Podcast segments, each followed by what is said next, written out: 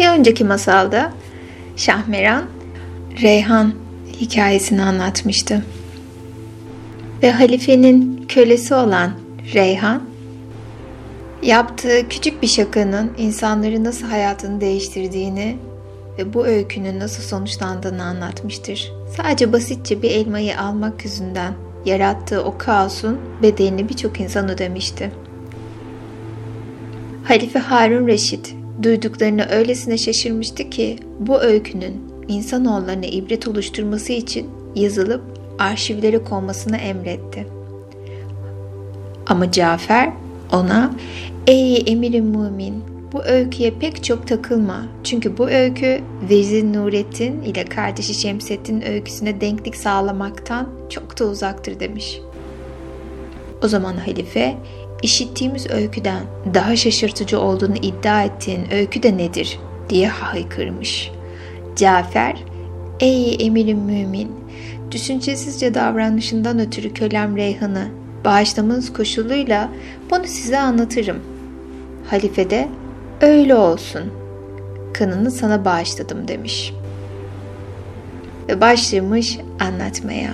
Vezir Nurettin, kardeşi Vezir Şemseddin ve Hasan Bedrettin'in öyküsünü. Bunun üzerine Cafer söze başlamış. Bil ki ey emirim mümin, Mısır ülkesinde bir zamanlar dürüst, hayırsever bir sultan varmış. Bu sultanın da fen ve edebiyatta derinden aşina, bilgi bir veziri varmış ve bu vezir yaşı ilerlemiş bir ihtiyar imiş. Ama gökteki aya benzer iki oğlu varmış. Büyüğünün adı Şemsettin, küçüğünün adı da Nurettin'miş.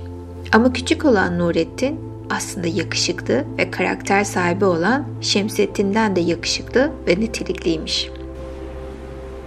Öylesine ki Nurettin'in bütün dünyada bir eşi daha bulunamazmış. Öyle hayranlık uyandırırmış ki güzelliğinin ünü tüm ülkelerde duyulmuş ve birçok gezgin uzak ülkelerden sırf onun üstünlüğünü görmek ve yüzünün güzelliğini seyretmek için Mısır'a gelirmiş. Babaları vezir Tanrı'nın takdiriyle ölmüş. Sultan bundan büyük bir üzüntü duymuş. Vezirin çocuklarını huzuruna çağırtmış. Onları yanına yaklaştırmış. Ve her birine birer hilat giydirerek onlara bu andan başlayarak benim yanımda babanızın görevlerini yürüteceksiniz demiş.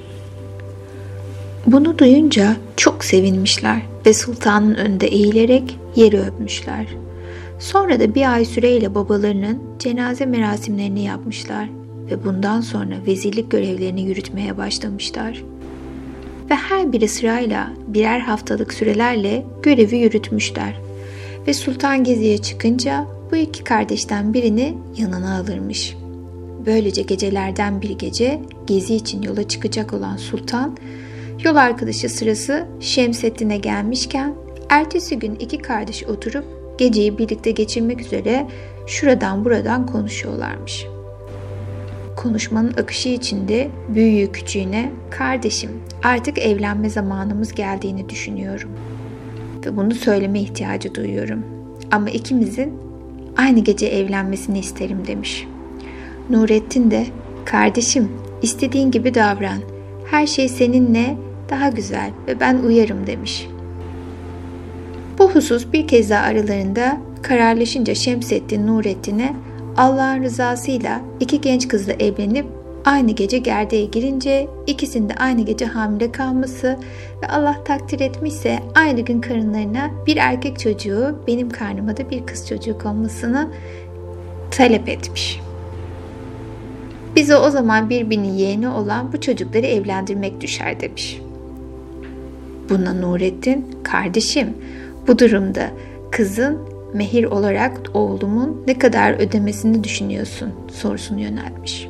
Şemsettin de oğlundan kızımın nikah bedeli olarak 3000 altın dinar, 3 meyve bahçesi, Mısır'da da en iyi durumda 3 köy alırım. Doğrusu kızımın değeri karşısında istediklerim pek de o kadar fazla değil. Ve eğer oğlun olan delikanlı bu sözleşmeyi kabul etmek istemezse aramızda hiçbir ilişki kurulmaz demiş. Bu sözlerin üzerine Nurettin Bunu böyle düşünme. Gerçekten oğlumdan istemeyi düşündüğüm mehir nedir demiş. Unutma ki biz iki kardeşiz ve iki veziriz. Böyle bir istemde bulunacağına kızını oğluma armağan olarak sunmalısın. Herhangi bir mehir istemeyi de aklından geçirmemelisin. Sonra bilmez misin ki erkek daima dişiden daha değerlidir. Oğlum da bir erkek olduğuna göre mehir talep edeceğine kızın çeyiz getirmelidir. Sen tıpkı malını satmak istemeyen tacir gibisin.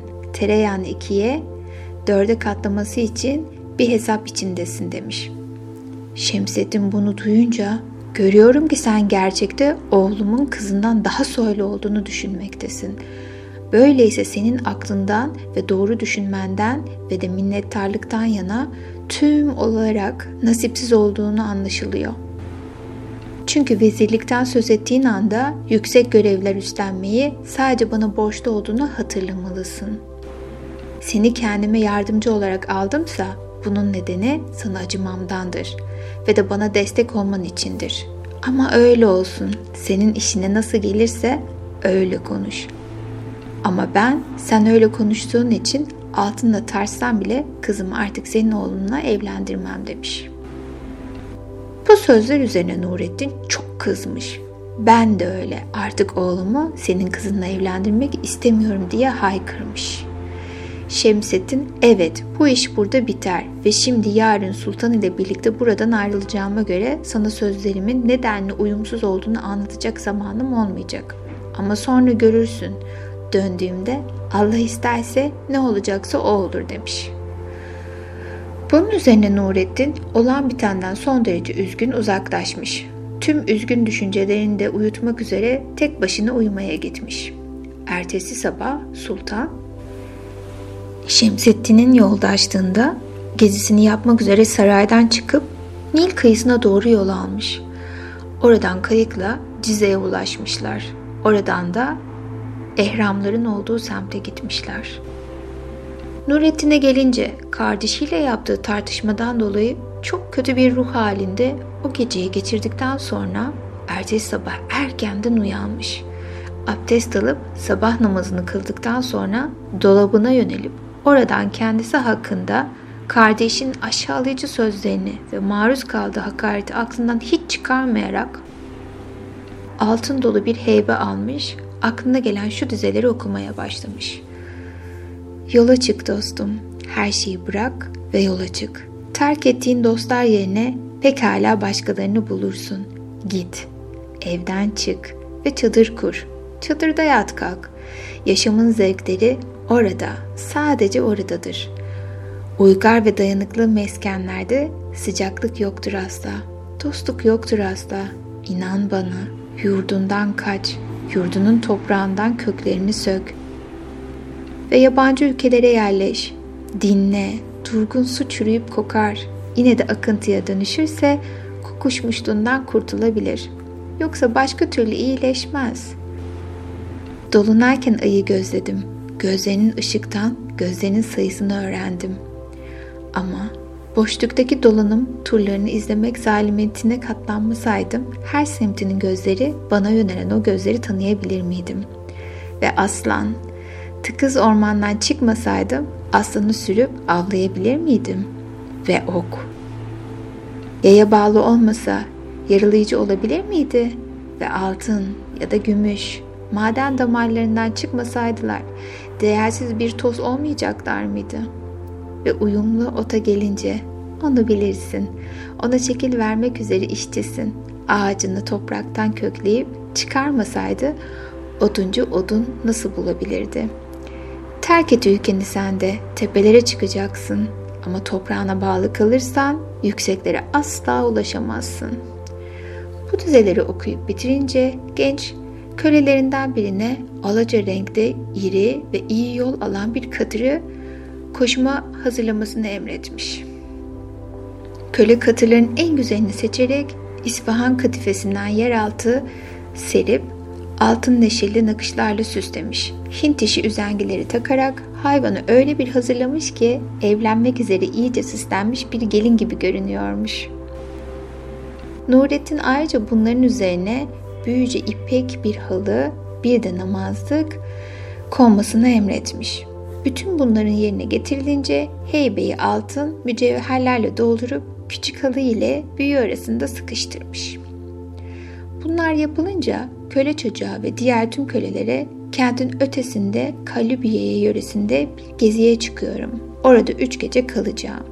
Çünkü göğsümde bir daralma duyuyorum. Orada açık havayı soluyarak biraz da ferahlamak istiyorum. Ama benim kimsenin izlemesini istemiyorum demiş.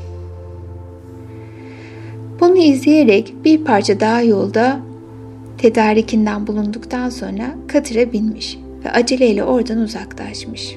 Bir kez daha Kahire'den çıkınca öğleye kadar rahat bir yolculukla Belbeysi'ye ulaşmış ve orada durmuş. Katırı dinlendirirken kendisi de dinlenmek üzere orada hayvandan inmiş. Biraz yemek yemiş ve yeniden yola koyulmuş. İki gün sonra tam da öğle vakti cins katırı sayesinde kutsal kent Kudüs'e ulaşmış. Orada katırdan inmiş, dinlenmiş, katırı da dinlendirmiş. Azıcık torbasında yiyecek bir şeyler çıkarıp yemiş. Bu iş bitince torbasının başının altına koyup yere büyük ipek halısını sererek yatıp uyumuş. Boyna kardeşinin kendisine reba gördüğü davranışı kızıp durmuş. Ertesi gün şafak vakti yeniden eğer kurulmuş. Bu kez güzel bir gidişle Halep kentine gelinceye kadar yol almış. Orada kentin bir hanında mekan tutmuş. Sükunet de kendisini ve katırını dinlendirmek için üç gün kalmış. Halep'in güzel havasını iyice soludıktan sonra yola koyulmayı başlamışlar. Bu maksatla çocukluğundan beri çok sevdiği Halep'te en iyi şekilde yapılan şekere bulanmış, fıstık, bademle doldurulmuş o güzel hamur işi tatlılarından satın aldıktan sonra katırına binip yola çıkmış. Ve katırını bildiği gibi yol alması için özgür bırakmış. Çünkü bir kez Halep'e gittikten sonra artık nereye gideceğini bilmiyormuş. Böylece gece gündüz yol alıp bir akşam güneşin battığı sırada Basra kentine gelmiş. Fakat o Basra'ya geldiğinin farkında değilmiş. Bir hana gelip soruşturduktan sonra buranın Basra olduğunu öğrenmiş. Bunun üzerine katırdan inmiş. Üzerindeki halıları, yiyecekleri ve heybeyi almış. Ve hanın kapısından hemen dinlenmeye geçip soğuk almasın diye katırı biraz gezdirmesini istemiş. Nurettin kendisine gelince halısını sermiş ve dinlenmek üzere handa oturmuş. Hanın kapıcısı dizgininden tutup katırı alıp yürütmüş. Rastlantı bu ya, tam da o sırada Basra veziri de sarayın penceresinde oturmuş, sokağa bakıp duruyormuş. Güzel katırı ve büyük değerli taşları komşularını görmüş. Bu katırın kesinlikle yabancı vezirden birine, hatta belki de emirlerden bir emire ait olması gerektiğini düşünmüş. Hayvana bakarken Hayvana bakarken büyük bir şaşkınlığa kapılmış. Sonra genç kölelerinden birini kapıcı ile katırın kendisine getirilmesine emrini vermiş ve delikanlı koşup bulduğu kapıcıyı vezirin huzuruna getirtmiş. Bunun üzerine kapıcı ilerleyip çok yaşlı ve çok saygın bir ihtiyar olan vezirin ayaklarının arasındaki toprağı öpmüş. Vezir kapıcıya bu katırın sahibi de kimdir? Kapıcı Efendimiz bu katırın sahibi gerçekte insanın başını döndüren büyük bir tacirin olduğu gibi giyimli ve tüm görünüşüyle saygı ve hayranlık uyandıran çok yakışıklı bir genç adamındır diye yanıt vermiş. Kapıcının bu sözleri üzerine vezir ayağa kalkmış, ata binmiş, aceleyle hana gitmiş ve avluya girmiş. Veziri görünce Nurettin ayağa kalkmış ve onu karşı, karşılamak üzere yanına koşmuş ve attan inmesine yardım etmiş. Bunun üzerine vezir ona adet olduğu üzere selam vermiş. Ve Nurettin bu selamı yürekten bir ilgiyle alıp iade etmiş. Vezir yanına oturarak ona çocuğum nereden geliyorsun ve hangi sebeple Basra'da bulunuyorsun diye sormuş. Nurettin de ona efendim doğdum ve yaşadığım kent olan Kahire'den geliyorum. Babam Musur Sultanı'nın veziriydi. Fakat Allah'ın rahmetine kavuşmak üzere öldü demiş. Sonra Nurettin'in öyküsünü baştan sona kadar vezir anlatmış. Sonra da fakat tüm ülke ve kentleri ziyaret edip her yanı görmedikçe yeniden asla Mısır'a dönmemek üzere kesin karar aldım diye eklemiş. Nurettin'in bu sözleri üzerine vezir, çocuğum devamlı gezme konusunda bu üzücü görüşü terk et. Senin mahfına neden olabilir. Çünkü bilirsin ki yabancı ülkelerde gezinmek felakete ve kötü sonuçları götürür. Benim nasihatimi dinle çocuğum. Yoksa senin adına zamanın ve yaşamın getireceği belalardan korkarım demiş. Sonra vezir kölelere katırın komşularını ve halıların ve ipeklerini çözmelerini emretmiş ve Nurettin'le birlikte evine götürmüş onu. Ona bir oda tahsis etmiş. Ona ihtiyaç duyabileceği her şeyi sağladıktan sonra dinlenmesini istemiş. Nurettin böylece vezirin nezdinde bir süre kalmış. Vezir de onu her gün görüyor, ağırlayarak lütuflarda bulunuyormuş. Sonunda Nurettin'i çok sevmiş ve bir gün ona çocuğum ben çok ihtiyarladım ve erkek çocuğum da yok. Ama Allah bana güzellikte ve kusursuzlukta sana uyan bir kız çocuğu verdi. Bugüne kadar onu benden isteyen herkesi geri çevirdim. Ama şimdi yüreğimin tüm sevgisiyle sevdiğim seni tanıdıktan sonra kızımı hizmetinde bir köle olarak kabul etmeni isteyip istemediğini soruyorum. Çünkü büyük bir temenniyle senin kızımın kocası olmanı istiyorum. Şayet kabul edersen şimdi sultanın yanına çıkacak ona senin Mısır'dan yeni gelmiş yeğenim olduğunu ve Basra'ya da kızımla evlenmek üzere gelmiş olduğunu söyleyeceğim. Ve sultan benim hatırıma seni vezir olarak yerime tayin edecektir. Çünkü ben artık çok ihtiyar oldum. Dinlenmem gerek. Benim için artık evime çekilip oradan ayrılmamak büyük bir zevk olacaktır demiş. Vezirin bu önerisini duyunca Nurettin susmuş ve başını önüne eğmiş. Sonra da duyduk ve itaat ettik demiş. Bunu duyan vezir büyük bir sevince kapılmış ve hemen kölelerine şölen hazırlamalarını emirler içinde en büyüklerine özellikle ayrılmış olan büyük kabul salonunu süsleyip aydınlatmalarını emretmiş. Sonra tüm dostlarını bir araya toplamış.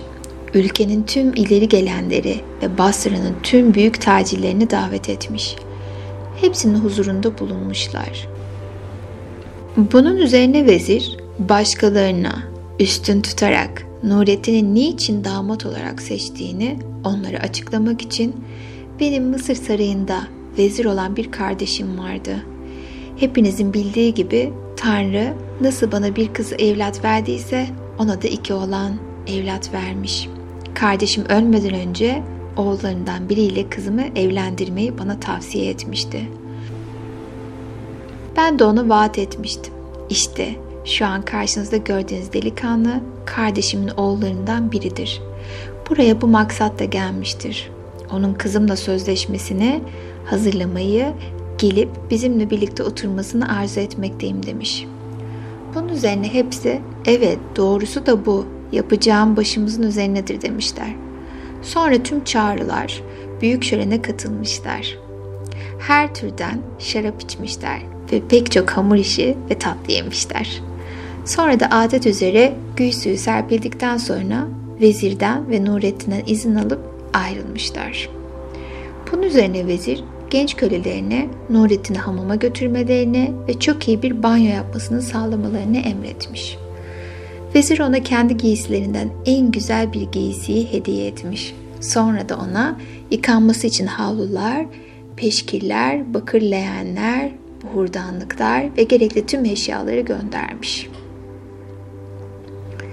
Nurettin yıkanmış ve yeni giysilerine bürünerek hamamdan çıkmış ve tüm halkın onun güzelliğine ve Yaradan'ın kudretine hayran olduğu sokaklardan geçerek vezirin sarayına gitmiş. Katırından inmiş ve vezirin huzuruna çıkmış, elini öpmüş. Bunun üzerine vezir, ''Ey bahtı güzel şahım'' diye sözlerine aralamış Şehrazat ve sabahın belirdiğini görerek her zamanki gibi yavaşça susmuş, o gece daha fazla konuşmak istememiş. Ve ertesi gün olduğunda 21. geceyi de bitirdiğini fark etmiş Şehrazat ve sözlerini sürdürmüş. Ey bahtı güzel şahım, işittim ki vezir onu görünce ayağa kalkmış ve onu büyük bir sevinçle karşılamış ve de ona git oğlum koş karının yanına gir ve mutlu ol. Yarın seninle sultanın huzuruna çıkarız. Şimdi sana Tanrı'nın tüm lütuflarını ve iyiliklerinin senin üstüne olmasını dilemekten başka söyleyeceğim bir şey yok demiş. Bunun üzerine Nurettin kayınbabası vezirin elini bir kez daha öpmüş ve genç kızın dairesine girmiş. Ve orada olanlar olmuş. İşte Nurettin'in başına gelenler bunlar. Kahire'de bulunan kardeşi Şemsettin'e gelince onun öyküsü de şöyle. Piramitler kıyısına ve oradan da başka yerlere Mısır'ın sultanı ile birlikte giderek gerçekleştirdiği gezi bitince eve dönmüş. Orada kardeşi Nurettin'i bulamayarak çok tedirgin olmuş. Nurettin'den hizmetçilere haber sorunca ona sen sultan ile birlikte buradan ayrılınca aynı gün Efendimiz Nurettin şatafatlı biçimde tören günlerindeki gibi konuşuncaya kadar katırına bindi ve bize Kalibiye'ye gidiyorum. Orada birkaç gün kalarak göğsümdeki daralmayı gidermeye çalışacağım. Beni hiçbiriniz izlemeyin dedi demişler ve o günden beri ondan hiç haber alamadık diye eklemişler. Bunu duyan Şemsettin kardeşinin yokluğundan büyük bir acı duymuş ve gün geçtikçe acısı çoğalmış. Sonunda büyük bir üzüntüye kapılmış ve kuşkusuz onun ayrılışının sultan ile geziye çıkmadan önceki gün ona söylediği katı sözlerden başka nedeni yok. Büyük bir ihtimalle onu benden kaçmaya iten budur. Bu değerli kardeşi ettiğim haksızlığa gidermem ve onu aratıp buldurmam gerekir diye düşünmüş. Ve Şemseddin hemen sultanın huzuruna çıkmış ve durumu ona açıklamış. Sultanın mührüyle damgaladığı mektuplar yazmış ve atlı Tatarlara bunları her yana, her ülkenin komutanlarına yollayın. Bu mektuplarda Nurettin'in kaybolduğunu ve onu her yerde aradığını bildirmiş.'' Fakat bir zaman sonra tüm Tatarlar sonuç almadan geri dönmüş. Çünkü hiçbiri Nurettin'in bulunduğu Basra'ya gitmemiş. Bunun üzerine Şemsettin üzünden kahrolarak kendi kendine bütün bunlar benim hatam. Bir parça akıllıca ve tedbirlice davransaydım bunların hiçbiri olmazdı diye söylemiş.'' Ama her şeyin bir son olduğu gibi Şemsettin de sonunda teselli bulmuş ve bir süre sonra Kahine'nin büyük tacirlerinden birinin kızıyla nişanlanmış. Ve bu genç kızla evlilik sözleşmesi yaparak onunla evlenmiş ve olan olmuş. Ve büyük bir rastlantıyla Şemsettin'in gerdek odasında karısına girişiminde bulunduğu gece Basra'da Nurettin'in vezirin kızıyla olan karısının odasında girişimi aynı anda olmuş yarattıklarının bahtına sahip olduğunu göstermek için Tanrı iki kardeşin evliliklerini aynı geceye rastlatmıştı. Dahası her şey iki kardeşin kavgalarından önce düşündükleri gibi olmuş. İki kadın da aynı gece hamile kalmışlar ve aynı gün aynı saatte çocuklarını doğurmuşlar. Mısır veziri Şemsettin'in karısı Mısır'da güzellikte bir eşi daha bulunmayan bir kız çocuğu doğurmuş ve Basra'da Nurettin'in karısı da zamanında tüm dünyada eşi bulunmaz güzellikte bir oğlan doğurmuş. Şairin dediği gibi çocuk zarif değil mi ve de ince ya boyu onun ağzından iç. İç o ağzı ve dolu bardakları ve taşıyan sürahileri unut. Dudaklarından iç. Yanaklarının tazeliğinde susuzluğunu dindir.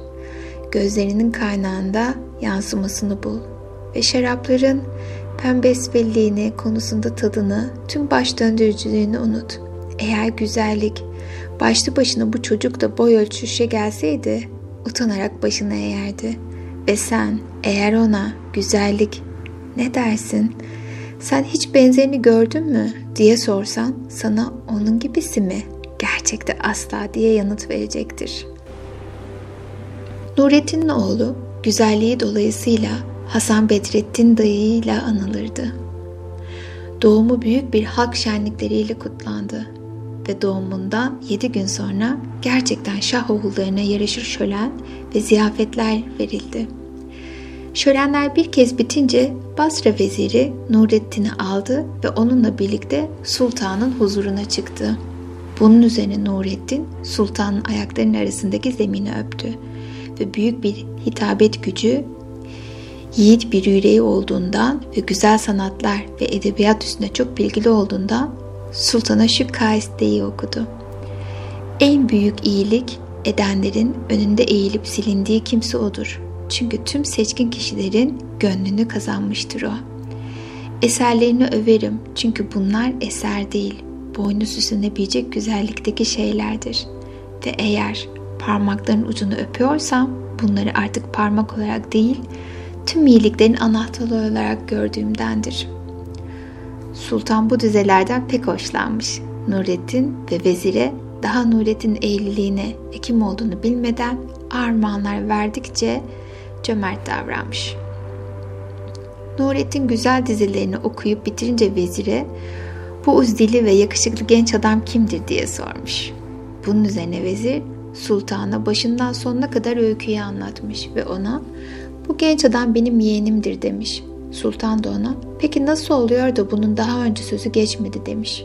Vezir ey efendim ve hükümdarım size Mısır'da vezir olan kardeşimin bulunduğunu söylemeliydim. Ölümünde büyüğü kendisine vezir olan iki oğlu bıraktı. İkincisi de gördüğünüz gibi beni ziyarete geldi. Çünkü babasına kızımı yeğenlerinden biriyle evlendireceğime söz vermiştim. Bundan dolayı gelir gelmez onu kızımla evlendirdim. Gördüğünüz gibi bu genç bir adamdır. Bense artık yaşlandım. Biraz da sağırım. Devlet işlerinde de dikkatsizim. Bundan dolayı hükümdarım. Siz efendim aynı zamanda damadım olan yeğenimi benim yerime vezir tayin etmenizi talep ediyorum. Onun vezirlik etmeye gerçekten layık olduğunu size temenni ederim. Çünkü iyi bir danışman yüce fikirlerinden yana verimli, iş yerine gelince de yürütme konusunda çok beceriklidir demiş. Bunun üzerine sultan genci daha dikkatlice dinlemiş ve bundan çok iyi bir izlenim almış. İhtiyar vezirin görüşünü kabul etmiş ve pek gecikmeden Nurettin'i kayınbabası yerine büyük veziri tayin etmiş. Ve kendisine bulunabilecek en güzelinden şahane bir hilat ve kendi ahrından bir katar armağan etmiş. Ve emrine muhafızlar ve mavenciler vermiş. Bunun üzerine Nurettin sultanın elini öpmüş ve kayınbabasıyla huzurundan çıkmış. Ve birlikte sevinç içinde evlerine dönmüşler ve yeni doğmuş olan Hasan Bedrettin'i kucaklamaya gitmişler. Bu çocuğun doğumu bize mutluluk getirdi demişler. Ertesi gün Nurettin yeni görevini üstlenmek üzere saraya gitmiş ve oraya ulaşınca sultan ayakları arasındaki zemini öperek şu şiiri okumuş. Senin için mutluluklar her gün yenilir. Gönençe öylesine. Seni çekemeyen can sıkıntısından kurur gider. Senin için günler ak, bulutlar beyaz. Çekemeyenin günleri ise kapkara olsun. Bunun üzerine sultan onun vezirlik divanına oturmasına izin vermiş ve Nurettin vezirlik divanına oturmuş ve görevini yerine getirmeye başlamışken önüne gelen işleri yapmaya, adalet dağıtmaya, sanki yıllardır vezirlik yapmış gibi bütün işleri yürütmeye başlamış. Ve sultanın gözü önünde her meseleyi öylesine kolaylıkla çözümlemiş ki sultan onun zekasına, işleri kavrayışına, adalet dağıtımındaki davranışına hayran kalmış. Onu daha çok sevmiş ve onu yakını kılmış. Nurettin'e gelince yüksek görevlerini gereğince yerine getirmeyi sürdürmüş. Ama tüm devlet görevlerine karşın oğlu Hasan Bedrettin'in eğitiminde safsaklamamış. Çünkü Nurettin günler geçtikçe daha kudretli ve onun mabeycilerinin, hizmetçilerin muhafızlarının ve ulaklarının adetini artıran sultanın nezdine daha değerli olmuş. Ve Nurettin öylesine zengin olmuş ki servetiyle donattığı ve dünyanın her yanına giden gemileriyle büyük boyutlarda ticaret yapmış. Gelir getirden kurumlar, yel ve sur değirmenlerinde şahane bağ ve bahçelerine sahip olmuş. Ve bütün bunlar oğlu Hasan Bedrettin'in 4 yaşına ulaşıncaya kadar olup bitmişti. Bu sırada Nurettin, kayınbabası ihtiyar vezir ölmüş ve Nurettin ona büyük bir cenaze töreni yapmış ve kendisiyle birlikte ülkenin bütün ileri gelenleri bu törene katılmış.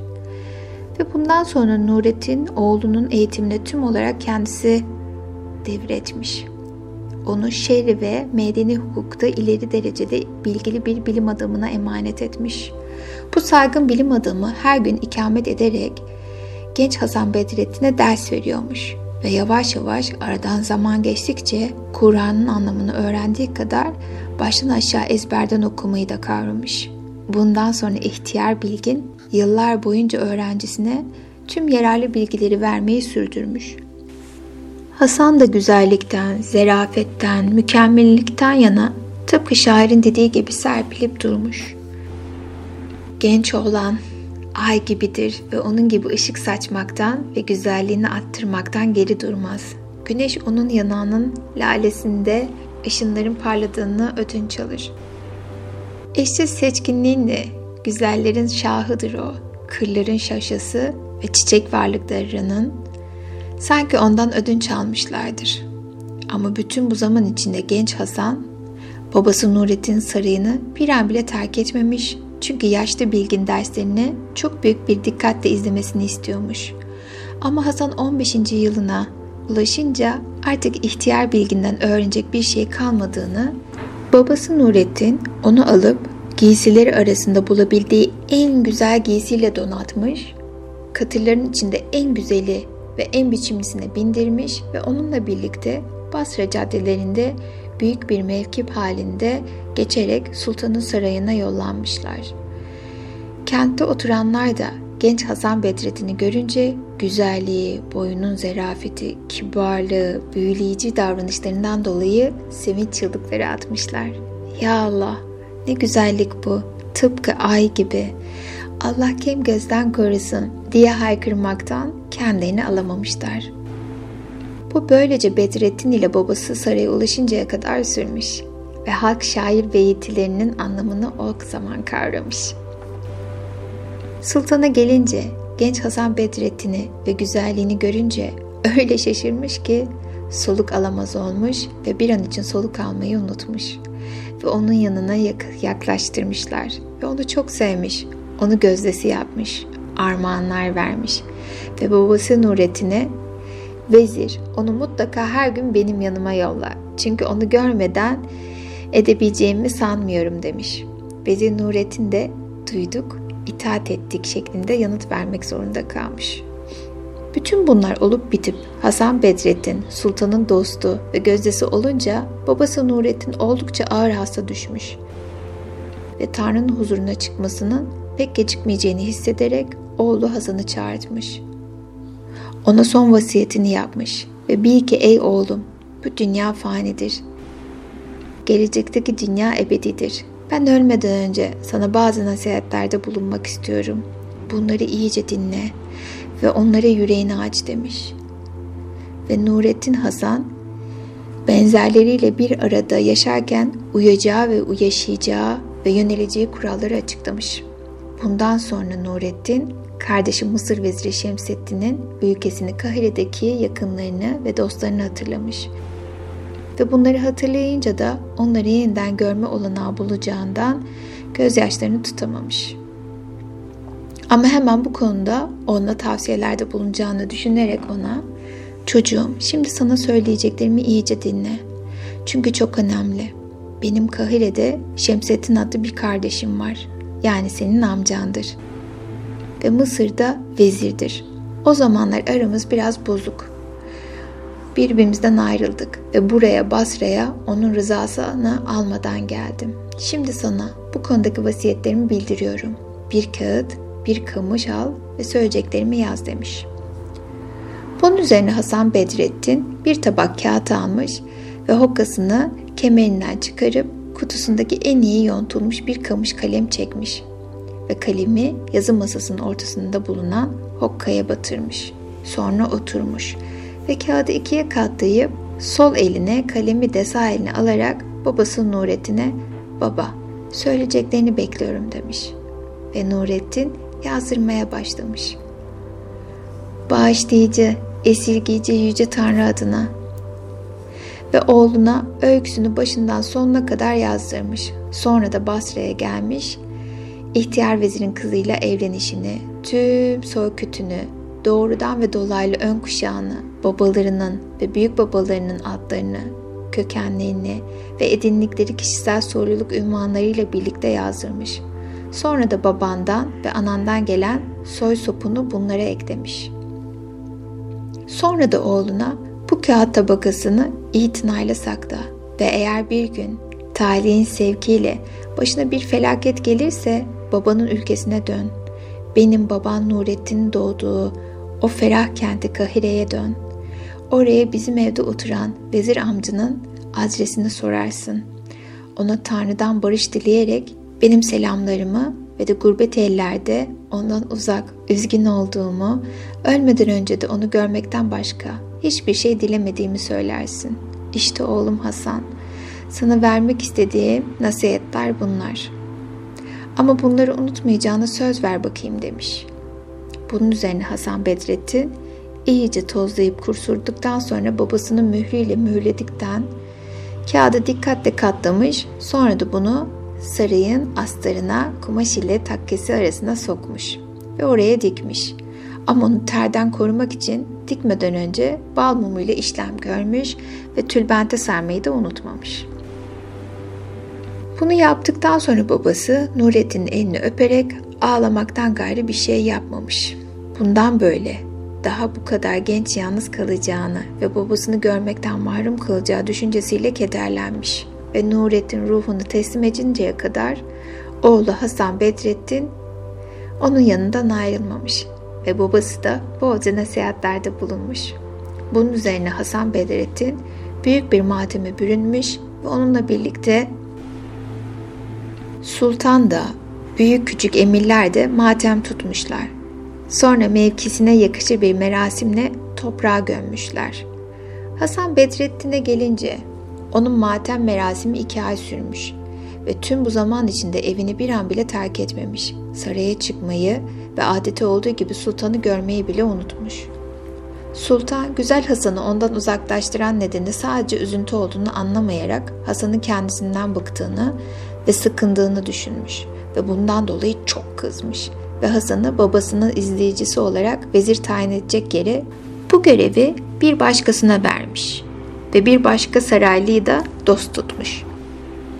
Durumdan hoşlanmayan sultan daha da fazlasını yapmış. Hasan'ın bütün mallarını, bütün evlerinin ve varlığını mühürleyip hepsine el konulmasını emretmiş. Sonra da Hasan Bedrettin'in kendisini tutuklatıp zincire vurdurarak huzuruna getirilmesini emretmiş.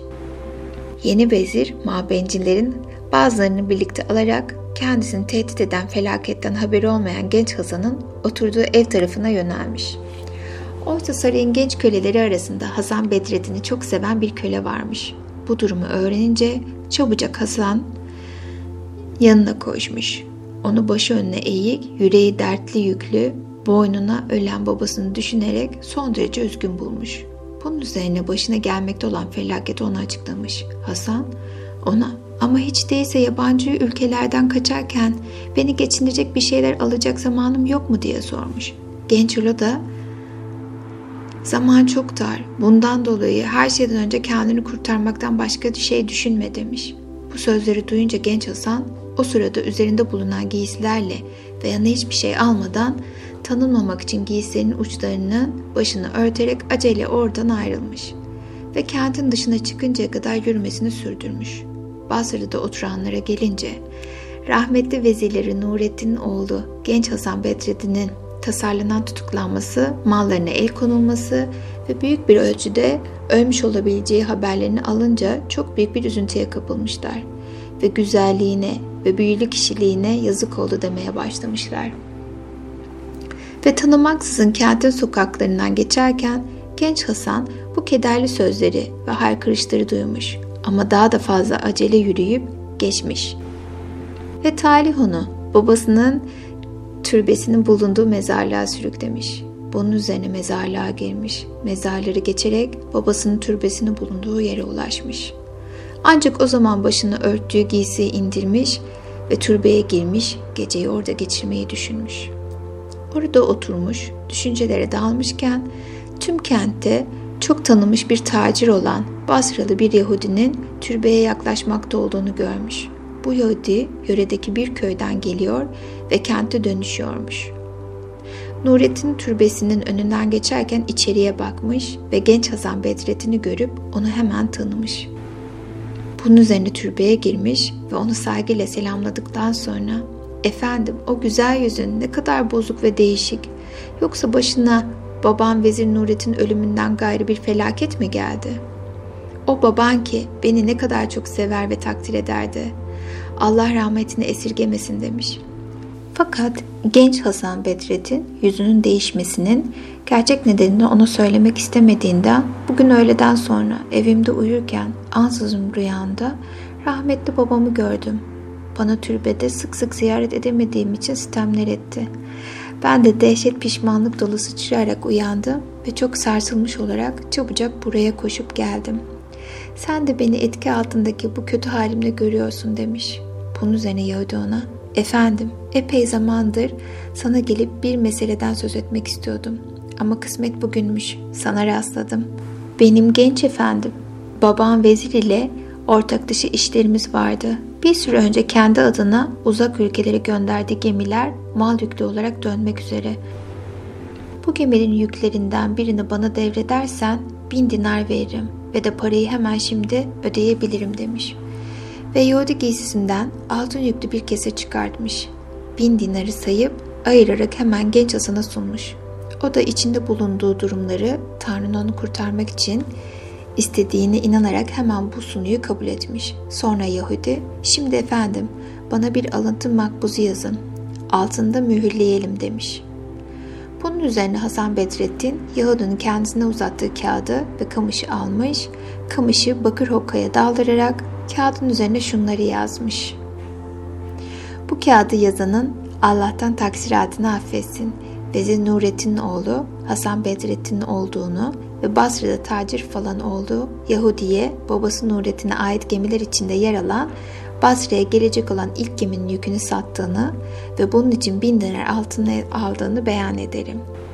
Sonra kağıdın altını mührüyle mühürlemiş ve Yahudi'ye vermiş. O da onu saygıyla selamlayarak oradan ayrılmış. Bunu izleyerek Hasan, rahmetli babasının geçmişte kendini bu durumunu ve şimdiki durumunu düşünerek yeniden ağlamaya başlamış. Ama gece olunca babasının türbesinde uzanıp yatarken uyku bastırmış ve orada uyuyakalmış. Orada öylece ayın göğsünde, yücesinde belirttiği saate kadar uzanmış. O sırada başı kabrin taşından aşağıya kaydığından dönüp bu kez sırt üstü uyumak zorunda kalmış. Böylece yüzü ay ışığıyla tüm olarak aydınlanıyor ve bütün güzelliğini yansıtıyormuş. Oysa bu mezarlık iyi niyetli, Müslüman inançlı ecincilerin uğradığı bir yermiş.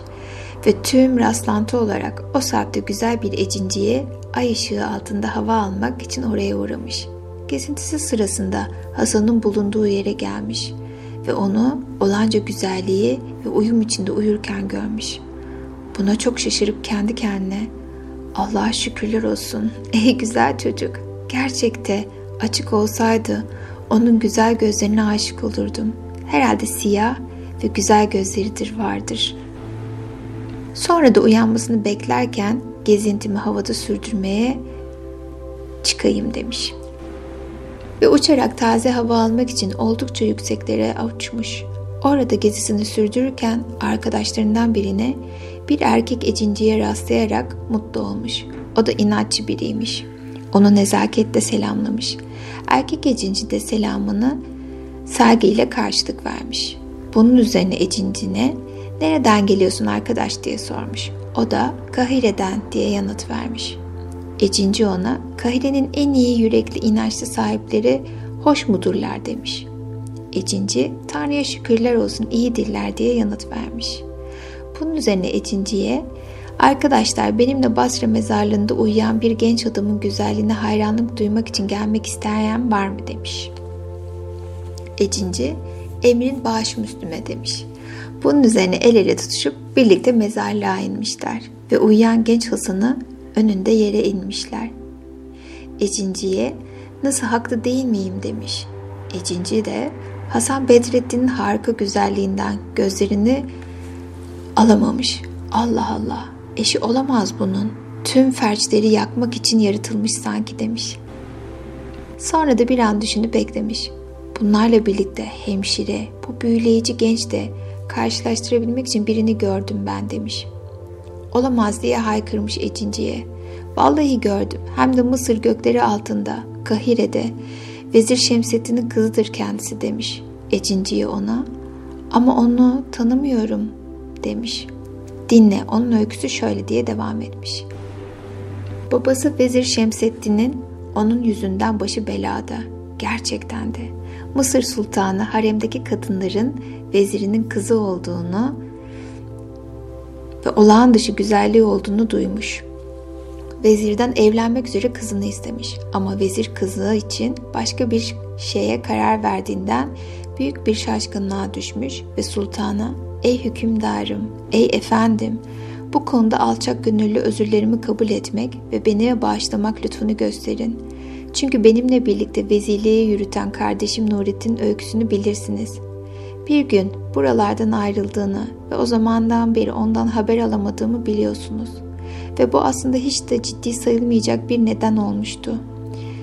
Sultan olayın nedenini ayrıntılarını anlatmış. Sonra da bu yüzden daha sonra Tanrı'ya kızımın doğduğu gün ne olursa olsun onu kardeşim Nurettin'in oğlundan başkasıyla evlendirmeyeceğim dedim ve yemin ettim. O zamandan bu yana 18 yıl geçti. Fakat ne mutlu ki sadece birkaç gün önce kardeşim Nurettin'in Basra veziri kızıyla evlenmiş olduğunu ve ondan bir erkek çocuğu sahip olduğunu öğrendim. Annesiyle aramızda gayretli ilişkiden doğmuş olan, Tanrı'nın armağanı olan kızımı kardeşim Nurettin oğluyla evlendirmeye ve bahtlarını yazılmaya karar verdim. Sana gelince ey benim hükümdarım, efendim sen istediğin kızla evlenebilirsin. Mısır bunlarla doludur. Şahalara yakışır güzellikte o kadar çok kız var ki ülkemizde demiş. Fakat bu sözleri işiten sultan müthiş bir hiddete kapılmış. Nasıl ey sefil vezir senin kızınla evlenmek onuruna sana vereyim ve bu dereceye kadar düşüneyim sen soğuk ve budalaca bir bahaneyle beni reddedeceksin ha öyle olsun ama başım üzerine yemin ederim ki burnunun dikliğine karşın kızını kölelerimden en düşkünüyle evlendirmeye seni zorlayacağım diye haykırmış. Sultanın ahrından çarpık ve kambur seyis varmış. Hem de hem göğsünde hem de sırtında kamburu olan cinsten. Sultan hem onu çağırtmış hem babasının yalvarmalarına karşın onunla Vezir Şemsettin'in kızı için bir evlenme sözleşmesi hazırlatmış ve kamburun o gece genç kızla yatmasını buyurmuş. Dahası sultan musikiyle desteklenen büyük bir düğün şenliği yapmasını emretmiş. Bana gelince diyerek sözünü sürdürmüş ifrit. Sarayın genç köleleri kamburun yöresine alıp çok tuhaf Mısır usulü zeksiklerle yaptıkları her biri damada refakat etmek üzere ellerindeki meşaleleri ilerledikleri sırada oradan ayrıldım. Damada gelince ben ayrıldığım sırada onu kaba şakalarla kızın üzerinde biz olsak bu kamburun yürekler acısı zebbi yerine uyuz bir eşeğinkinden ele almayı yeğe tutardık diyerek hamamda yıkıyorlardı. Gerçekten hemşire bu kambur çok çirkin ve nefret uyandırıcıydı demiş ve Ecinci bunu hatırlayınca yüzünü fena halde buruşturarak yere tükürmüş. Sonra da genç kıza gelince hayatımda gördüğüm en güzel yaratık diyebilirim. Seni temin ederim ki bu delikanlıdan çok daha güzel. Zaten adına Sitsül Hüsin diyorlar. Gerçekten de öyle.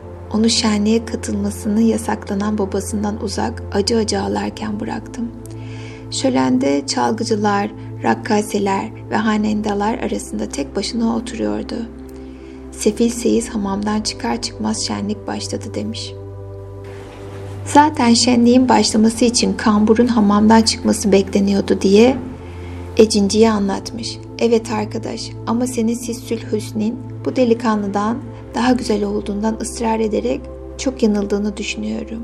Bu hiç de mümkün değil. Çünkü ben Hasan'ın zamanında en güzel varlığı olduğunu ısrar ediyorum demiş. İfrit buna karşılık vallahi hemşire genç kızın delikanlıdan daha güzel olduğunu seni temin ederim. Zaten benimle gelip onu bir kez görmen inanman için yeterli. Bu kadar kolay. Bu fırsatı kullanarak alçak kamburun bu kadar harika bir yaratığı kirletmesini de engellememiz gerekir. Bu iki genç varlık birbirlerine layıktır ve birbirlerine öylesine benziyorlar ki iki kardeş denebilir bunlara ya da iki yeğen. Kambur Situl Husin'le çiftleşirse ne kadar yazık olur demiş. Bunun üzerine Ecinci'ye hakkım var kardeşim. Evet uyuyan genci kollarımıza taşıyarak onu sözünü ettiğin genç kızın yanına getirelim. Böylece güzel bir şey yapmış ve ikisinin de hangisinden daha güzel olduğunu anlamış oluruz diye yanıt vermiş. İfrit de işittim, itaat ettim. Çünkü sözlerin doğru düşünce ve dürüstlük ürünü. Hadi öyleyse diye yanıt vermiş. Bunun üzerine İfrit genç adamı omuzuna almış, arkasından kendisine de daha çabuk gitmek için yardım eden İfritiye'ye uçmaya başlamışlar. İkisi birden böylesine bir yükle sonunda tüm hızla Kaire'ye ulaşmışlar. Orada güzel Hasan'ı indirip daimi uyur durumda halka dolu saray avlusunun yöresinde bir sıra üzerine yerleştirmişler ve onu uyandırmışlar. Hasan uyanmış ve kendisini Basra'da, türbede, babasının mezarı üzerinde uzanmış bulunmaktan dolayı büyük bir şaşkınlığa düşmüş. Sağına bakmış, soluna bakmış. Burası bildiği kent değil. Basra'dan tüm olarak değişik bir kentteydi. O kadar şaşırmış ki haykırmak için ağzını açmış fakat hemen önünde duran haykırmaması için gözüyle işaret eden uzun boylu ve sakallı bir adam görmüş. Ve Hasan kendini tutmuş. Aslında ecinci olan bu adam ona yanmış bir mum vermiş. Ellerinde yanan mumlarla ilerleyen düğün kalabalığına katılmasını sağlamış ve ona bil ki ben bir ecinciyim ama iman sahibi bir ecinci. Seni buraya uyuduğun sırada ben taşıdım. Bu kent Kahire'dir. Seni buraya iyiliğini istediğim için taşıdım ve karşılıksız bir yardımda bulunmak için. Sadece Allah aşkına ve güzellik adına yapıyorum. Şimdi şu yanmış mumu elimden al. Bu kalabalığa katıl ve onlarla birlikte şu gördüğün hamama git. Orada hamamdan çıkan saraya götürecek bir kambur göreceksin. Sen de onları izle. Daha iyisi yeni damat kamburunun yanında yürü ve onunla birlikte saraya gir. Büyük toplantı salonuna ulaşınca sanki haneden birisi gelip yeni damat kamburun yanında dur. Ve orada karşına çıktığını gördüğün herhangi bir çalgı, bir rakkese veya bir şarkıcı kadın görürsen hemen elini cebine daldır ve benim merafetimle ona hiç eksilmeyecek altından avuçlayarak hiç tereddüt etmeden saç. Ve sakın altının biteceğinden korkma. Bunu ben halledeceğim. Sana her yaklaşına avuç dolusu altın saçacaksın. Ve kendinden emin bir tavır takınacaksın. Ve de hiçbir şeyden korkma. Seni bu kadar güzel yaratmış olan Tanrı'ya ve de seni seven bana güven. Zaten bütün bunlar Yüce Tanrı'nın arzu ve iradesiyle olmuştur demiş. Bu sözleri söyledikten sonra Ecinci gözden kaybolmuş. Bunun üzerine Basralı Hasan İfrit'in sözlerini düşünerek kendi kendine bütün bunların anlamı mı var acaba? Bu şaşırtıcı İfrit bana ne gibi bir hizmette bulunduğunu söylemek istedi diye mırıldanmış. Ama kendi kendine soru sormak üzere uzun boylu düşünmeden yürümüş. Sönen mumunu bir başka çağrılığın mumundan yeniden yakmış. Ve hamamda yıkanmayı sona erdirdikten sonra kamburun tam yemyeni giysiler içinde batı üstünde yola çıktığı anda hamama ulaşmış. Bunun üzerine Basralı Hasan kalabalığa karışmış, güzel bir manevrayla düğün alayının başına, kamburun yanına ulaşmış. İşte bu durumda Hasan'ın tüm güzelliği harika parıltısı içinde belirmiş. Zaten Hasan Basra'da en göz kamaştıran giysilerini bürünerek çıkmıştı. Başında başlık olarak çevresine altın, gümüş işlemeli ve Basra tarzında görkemli bir ipek sarık sarılmıştı. Sırtında ise sırma tellerle yer yer yerleştirilmiş bir hamamiye varmış ve bütün bunları onun gururlu havasına ve güzelliğine katkıda bulunuyormuş. Düğün alayının yürüyüşü sırasında çalgıcıların grubundan ayrılıp herhangi bir rakkaseye ve şarkıcıya Hasan'ın karşısına gelip kendisine yaklaştıkça Hasan hemen cebindeki keseye davranıyor ve oradan bolca altın çıkararak Bu altını avuç avuç yüresindekilere saçıyor. Aynı şekilde kendisine yaklaşan genç şarkıcının da genç rakkasenin de zilli tefine altın koyuyordu. Bunu yaparken görülmedik bir zerafetle davranıyormuş. Böylece burada bulunan bütün kadınlar ve bütün kalabalık büyük hayranlığa kapılmışlar ve de onun güzelliği, sihrinden etkilenmişler. Alay sonunda saraya ulaşmış. Sonra da mabenciler kalabalığı dağıtmışlar ve sadece kamburu izleyen çalgıcılar ile rakkaseler, şarkıcılar içeri alınmış. Başka hiç kimse içeri girememiş. Bunu gören şarkıcı ve rakkaseler ağız birliğiyle mabencilere sokulup onlara vallahi halkı gelinin giyimine yardım etmek üzere görevli olan bizlerle birlikte harame girmekten engellenmekte çok haklısınız. Ama bize o kadar iyiliği dokunan şu genç adamı bizimle içeri girmekten engelleyemezsiniz. Biz de kesinlikle içeri giremeyiz veya girmeyiz. Dostumuz olan bu genç adamı yanımızda bulunmadıkça geline şenlik düzenlemeyi reddederiz demişler.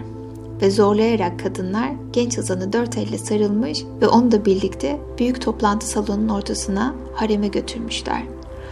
Hasan olan biteni önlenemeyen ve bundan dolayı nefret dolu olan Kambur'la birlikte harem çevresinde tek erkekmiş. Toplantı salonunda emirlerin, vezirlerin ve saray mabeycilerinin tüm soylu eşleri toplanmış. Tüm kadınlar iki sıra halinde dizilmiş ve her biri elinde büyük birer mum tutuyormuş. Her birinin yüzünde iki erkeğin varlığından ötürü beyaz ipek bürümcükler örtülmüş.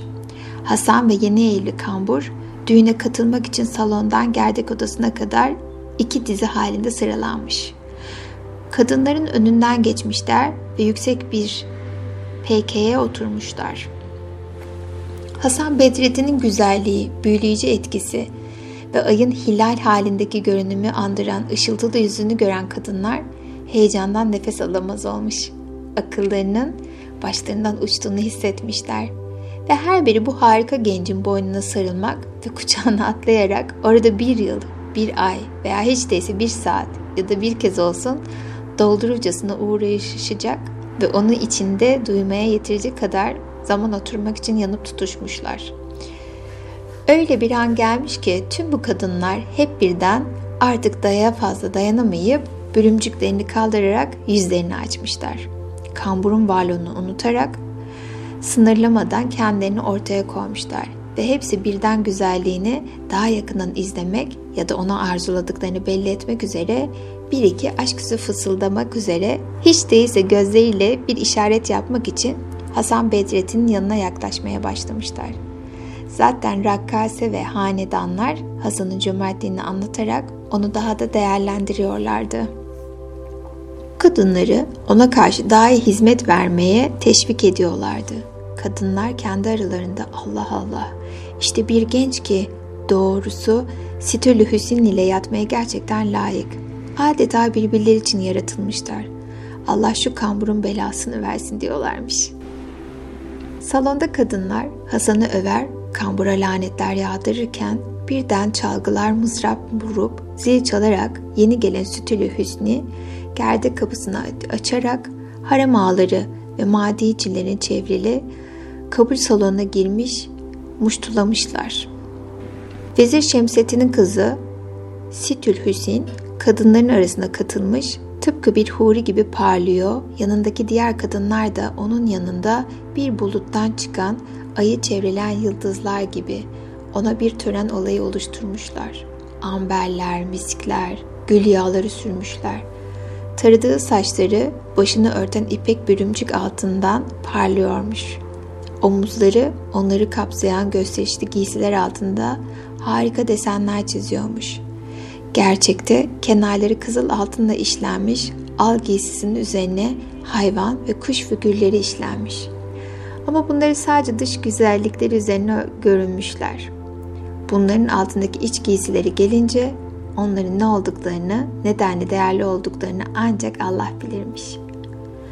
Boynundaki gerdanlık kim bilir kaç bin dinar değerindeymiş. Onu oluşturan her bir değerli taş öylesine nadirmiş ki hiç kimse bir şah bile olsa benzerini göremezmiş. Tek sözcükle yeni gelin Sitül Hüsni öyle güzelmiş ki ancak 14. gecesinde Dolunay'da ancak bu kadar güzel olabilirmiş. Basralı Hasan yerinden kıpırdamadan oturuyor ve tüm kadınların hayranlığını çekip duruyormuş. Sonunda yeni gelin onun bulunduğu yana doğru gelmeye başlamış. Bedenini sağa sola kıvırarak son derece zarif hareketlerle sedirine yaklaşmış. Bunu gören Kambur Seyis ayağa kalkarak onu kucaklamaya yeltenmiş. Fakat kız onu nefretle itmiş. Kıvrak bir hareketle dönerek Güzel Hasan'ın önünde durmuş. Onu kendi yeğeni olduğunu bilmediği gibi oğlan da hiçbir şey bilmiyormuş. Bu sahneyi gören oradaki bütün kadınlar gülmeye başlamışlar. Özellikle genç gelin yakışıklı Hasan'ın önünde durup onun uğruna bir an içi tutuşarak ellerini göğe kaldırıp Allah'ım ne olur bu güzel genç adam benim kocam olsa beni bu kambur seyisten kurtar Allah'ım diye haykırmış. Bunu duyan Hasan Ecinci'nin ikazını uyararak elini cebine daldırıp oradan birçok altın çıkarıp avuç avuç Sitin Hüsnü'nü izleyenlere ve çalgıcılara ve şarkıcılara saçmış. Onlar da inşallah geline sen sahip olursun diye haykırmışlar. Ve Bedrettin bu temenniyi ve iltifatları kibarca gülmüş. Kambur'a gelince bütün bunlar olup biterken kötülenmelerden yılmış, bir kenarda tek başına maymun gibi oturup kalmış. Ve rastlantı kalibinde onun yanına kim yaklaşmışsa da yanında kim geçmişse de onunla alay etmek için mumlarını söndürmüşler. Ve böylece orada sıkıntıdan patlayarak ve kaygıdan kahrolarak kala kalmış. Ve tüm kadınlar ona bakarak alay etmişler. Pis şakalar yapmışlar. Bak sen sen ancak bu yakışıklı delikanlının zebbi gibi boylusun. İki kamburun da onun yumurtaları kadar diye. Üçüncüsü delikanlı zebbiyle sana bir vursa uçarsın. Herkes gülüp geçiyormuş. Yeni geline gelince. Her seferinde yeni giysilerle tüm kadınlardan kendisini izlediği halde salonda yedi kez tur atmış. Ve her seferinde de Basralı Hasan'ın önünde durmuş. Ve her giysisini bir önceki giydiğinden daha güzelmiş. Ve takındığı her süs bir öncekinden daha değerliymiş.'' Ve yeni gelin ağır ağır ve adım adım yürüyürken çalgıcılar coşkuyla aletlerini çalıyor ve şarkıcılar da en çıldırtıcı, en tahrik edici aşk şarkılarını söylüyorlarmış. Rakkaseler de zilli teflerini refaketinden kuşlar gibi raks ediyorlarmış. Ve her seferinde Hasan Bedrettin el basviri salonun her yanına avuç avuç altın saçmaktan geri kalmıyormuş.'' ve tüm kadınlar delikanlının elinde dokunan bir şeyleri sahip olmak için çabalayıp duruyormuş. Hatta bazıları genel neşeden ve heyecandan, salgı sesinden ve şarkıların verdiği baş döngüsünden yararlanarak yerde birbirinin üstünde uzanmış, oturmuş gülümseyen Hasan'a bakarak ve kambur bütün bunları üzülerek bakıyormuş. Yedinci turun sonunda düğün merasimi bitmiş. Çünkü gecenin zaten ilerlemiş bir saatine ulaşmıştı. Çalgıcılar mızrap vurmayı bırakmışlar, rakkase ve şarkıcılar da susmuşlardı. Tüm kadınlarla birlikte kimi ellerini öperek, kimi giysinin eteğini tutarak Hasan'ın önünden geçmişler ve son bir kez daha güzelliği görmek için başlarını çevirip baktıktan sonra çıkmışlar. Sonunda salonda Hasan'dan, Kambur'dan, yeni gelinden ve Nedimelerden başka kimse kalmamış. Bunun üzerine Nedimeleri gelini soyunma odasına götürmüşler birer birer giysilerini soymuşlar ve her bir giysiyi çıkarırken kem gözlerden sakınmak için maşallah sözünü tekrarlamışlar. Sonra hepsi birden gelini sadece görevi yeni gelinin damat kamburun içeri girinceye kadar gerdeği hazırlamak olan ihtiyar dadıyla bırakıp çekip gitmişler. Kambur sedirden ayağa kalkarken Hasan'ın hala oturduğunu görerek kuru bir sesle ona ''Gerçekte efendim, varlığınızla bizi onurlandırdınız ve bu gece iyiliklerinizle bizi ihya ettiniz. Ama şimdi buradan ayrılmak için kovulmayı mı bekliyorsunuz demiş. Bunun üzerine Hasan sonuç olarak ne yapacağını bilmediğinden ayağa kalkarak besmele çekmiş ve dışarı çıkmış. Ama daha salonun kapısının dışına çıkar çıkmaz Ecinci'nin belirdiğini görmüş. Ecinci ona böyle nereye gidiyorsun Bedrettin? Dur bakalım beni iyi dinle ve söyleyeceklerimi yerine getir.'' Kambur hacet görmek üzere tuvalete gidecek. Onunla ben meşgul olacağım. Senin yapacağın doğruca gerdek odasına girmektir. Genç gelinin içeri girdiğini görünce ona senin gerçek kocan benim. Sultan, baban, kıskanç kimselerin kem gözlerinden çekindikleri için bu düzeni kurdular. Seyise gelince bu bizim seyislerimizin en sefilidir. Sen onun zararını karşılamak için ahırda bizim sağlığımızı içsin diye bir çanak ayran hazırlıyorlar dersin. Sonra korkusuzca ve hiç tereddüt etmeden onun elini tutar, peçesini kaldır ve ne yapılması gerekiyorsa onu yap demişler. Sonra oradan da ayrıl. Gerçekten kambur yeni gelin yanına giderken önce rahatlamak için abdesthaneye girmiş. Mermere çömelmiş. Abdest bozmaya başlamış. Ama birdenbire iki fare kıllığına giren ecinci abdesthanenin deliğinden çıkmış, çık çık diye fare sesleri çıkartmaya başlamışlar. Seyis onu kaçırmak için ellerini birbirine çarparak şşt şşt diye seslenmiş. Birdenbire fare büyümeye başlayarak öcüncüyü korkutmuşlar. İri bir kediye dönmüş. Karşısına miyavlamaya başlamış. Sonra kambur hacetini görmeye devam ederken kedi yeniden büyümeye başlayarak iri bir köpek olmuş. Hav hav diye havlamış. Bunu gören kambur korkmuş. Ona defol alçak diye haykırmış. Bu kez köpek kaçarak bir eşek olmuş ve kamburun yüzüne bakarak aa iyi demeye başlamış ve anırmış ve ve de büyük gürültülerle yelenmeye başlamış. Bunu gören kambur çok korkmuş. Tüm karnının ishal olmuş ve kendini kötü hissetmiş. İmdat evdekiler neredesiniz diye haykırmaya başlamış. Sonra da kambur oradan kaçar kurtulur endişesiyle eşek daha da büyüyerek abdesthanenin kapısını tamamen kapatmış. İnsan sesiyle konuşarak Allah belanı versin senin kambur demiş. Ey seyislerin en korkuncu. Bu sözleri duyan kambur ölüm solukluğunu ensesinde hissetmiş. Döşeme taşlarının üzerinde kendini kaybetmiş. Ve bugünlük masal burada sona eriyor. Ve Hasan Bedrettin'le güzel gelini Sütül Hüsni'nin bu özel gecesini bir sonraki masalda devam edeceğim. Şimdi kendinizi derin güzel bir uykuya bırakıyor ve sabahleyin uyandığınızda kendinizi daha dinlenmiş, enerjik, mutlu hissederek uyanıyorsunuz. Bir dahaki masalda görüşmek üzere. İyi geceler.